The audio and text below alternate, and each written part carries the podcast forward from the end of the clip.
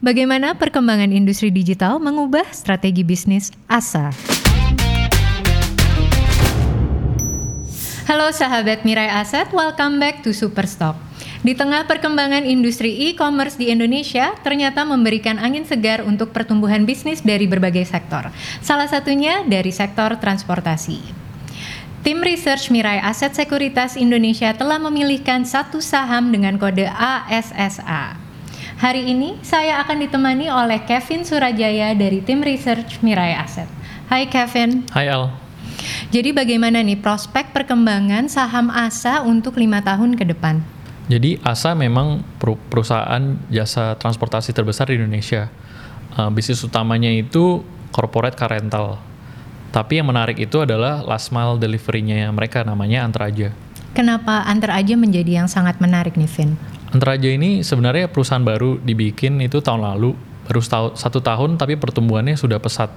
Sekarang 19% terhadap revenue-nya. Oh, apa nih faktor yang menjadi keberhasilan startup baru ini? karena pertumbuhan e-commerce di Indonesia juga sangat pesat ya. Ditambah sekarang COVID-19 itu membuat orang work from home. Nah, work from home ini membuat uh, traffic e-commerce itu transaksi bertambah. Di, uh, itu juga berdampak terhadap uh, volume delivery-nya antara aja. Oke, jadi good timing lah ya. Iya. Terus ditambah juga sebenarnya antara aja ini ke depan bisa jadi melampaui uh, kontribusi daripada corporate car rentalnya ASA gitu. Sebelum kita membahas layanan antar aja dengan lebih spesifik, mungkin bisa diceritakan bagaimana ASA bisa bertumbuh menjadi yang terbesar di Indonesia. Jadi pada awalnya ASA ini memang merupakan uh, perusahaan bergerak di bidang corporate car rental. Lalu mereka juga menyediakan jasa pengemudi, uh, logistik dan juga pelelangan otomotif. Tapi sering berjalannya waktu, mereka ini juga merambah ke bisnis digital. Contohnya ada share car, itu mereka sebenarnya menyewakan ke retail-retail. Habis itu antar aja ini eh, end to end uh, delivery dari ASA. Habis itu yang terakhir adalah Caroline. Caroline ini menyediakan marketplace untuk jual beli mobil. Oke, jadi yang tadinya hanya fokus di B2B sekarang mulai ke B2C juga ya? Iya, jadi lengkap banget di ASA. Tadi disebutkan bahwa corporate car rental adalah main business dari ASA. Hmm. Berapa komposisi revenue yang dihasilkan oleh main business ini? Jadi corporate car rental ASA ini sudah menyumbang 46% terhadap total revenue-nya. Dengan dukungan yang kuat dan luas, uh, corporate car rental ini sudah memiliki 26.000 armada dan 40 di 45 cabang tersebar di seluruh Indonesia. Uh, so far, corporate car rental ini sudah memiliki 13% market share Siapa aja sih yang menjadi klien dari ASA ini? Klien ASA ini adalah perusahaan-perusahaan besar seperti uh, eh, BCA, Sampurna. Dan relatively perusahaan-perusahaan ini juga uh, terus beroperasi selama COVID-19. Makanya uh, pendapatan dari corporate car rental tetap menjadi yang utama. Menurut Kevin, apa keuntungan ASA dengan memberikan jasa layanan transportasi hanya untuk korporasi?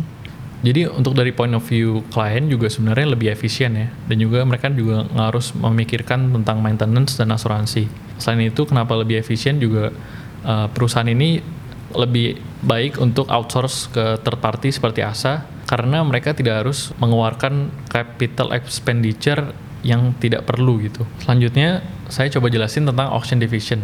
Jadi tahun lalu uh, ASA ini merge dengan JBA menjadikan ASA uh, tempat pelelangan terbesar di Indonesia. Oke, okay.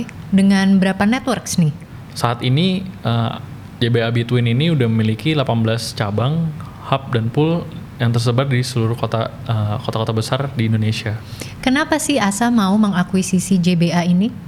Jadi menariknya itu pelelangan ini adalah tempat di mana ASA ini uh, melelang kendaraannya dia yang sudah kurang lebih berumur 4 tahun.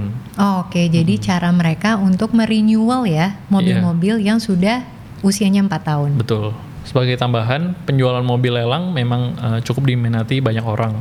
Buktinya setiap tahun juga penjualan terus bertambah. Uh, memang karena COVID kemarin sedikit ada perlambatan penjualan karena PSBB pertama itu, terutama di bulan April dan bulan Mei. Tapi sekarang uh, penjualan udah kembali normal. Tadi kita sudah mendengar tentang bisnis dari corporate car division dan auction division. Selanjutnya kita dengar dengan bisnis yang baru berkembang dari layanan antar aja. Jadi antar aja memang baru di uh, bikin tahun lalu, tapi kontribusi terhadap revenue ini sudah sangat tinggi, 19%. 19% dalam setahun ya. Iya betul. Eh, menariknya juga 90% eh, pendapatannya ini memang dari e-commerce yang memang diuntungkan dari COVID-19 saat ini. Oh ya, jadi dengan seiring online transaction yang terjadi di pandemi ini justru memberi tambahan revenue ya untuk antar aja. Betul. Menggunakan layanan e-commerce mana aja nih? Jadi tahun lalu itu baru Tokopedia. Tapi tahun ini sudah mulai merambah contohnya ada JDID, Blibli, dan juga Shopee.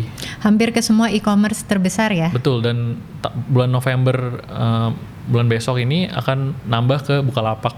Jadi bisa dibayangkan kalau misalnya tahun lalu ini baru Tokopedia pertumbuhannya sudah sebesar itu, tahun depan kemungkinan kita masih memperkirakan pertumbuhan akan lebih pesat karena dengan kerjasama-kerjasama yang baru ini.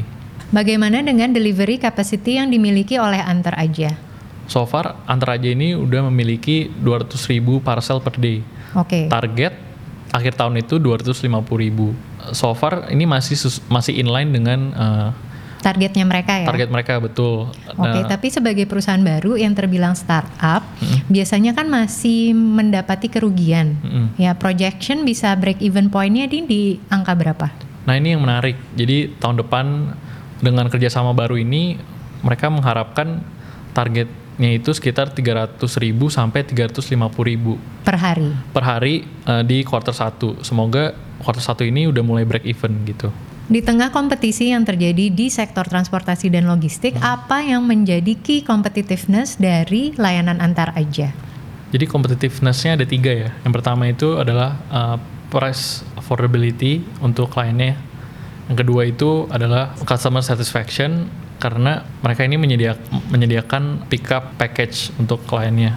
Kemudian yang ketiga adalah armada yang terlatih sehingga kuali- kualitasnya itu terjamin. Tadi di awal discussion, Kevin telah menyebutkan beberapa digital bisnis baru yang dimiliki oleh ASA. Bagaimana nih strategi bisnis mereka? Uh, Oke, jadi yang pertama itu memang ada share car. Share car ini ditujukan untuk retailers Oke. yang mereka pikir akan ma- masuk lah uh, sesuai dengan kebutuhan orang-orang kota. Oh, Oke, karena bisa sharing car ya. Betul. Oke. So terus- far sekarang udah ada 20 lokasi, tapi baru di Jakarta aja gitu.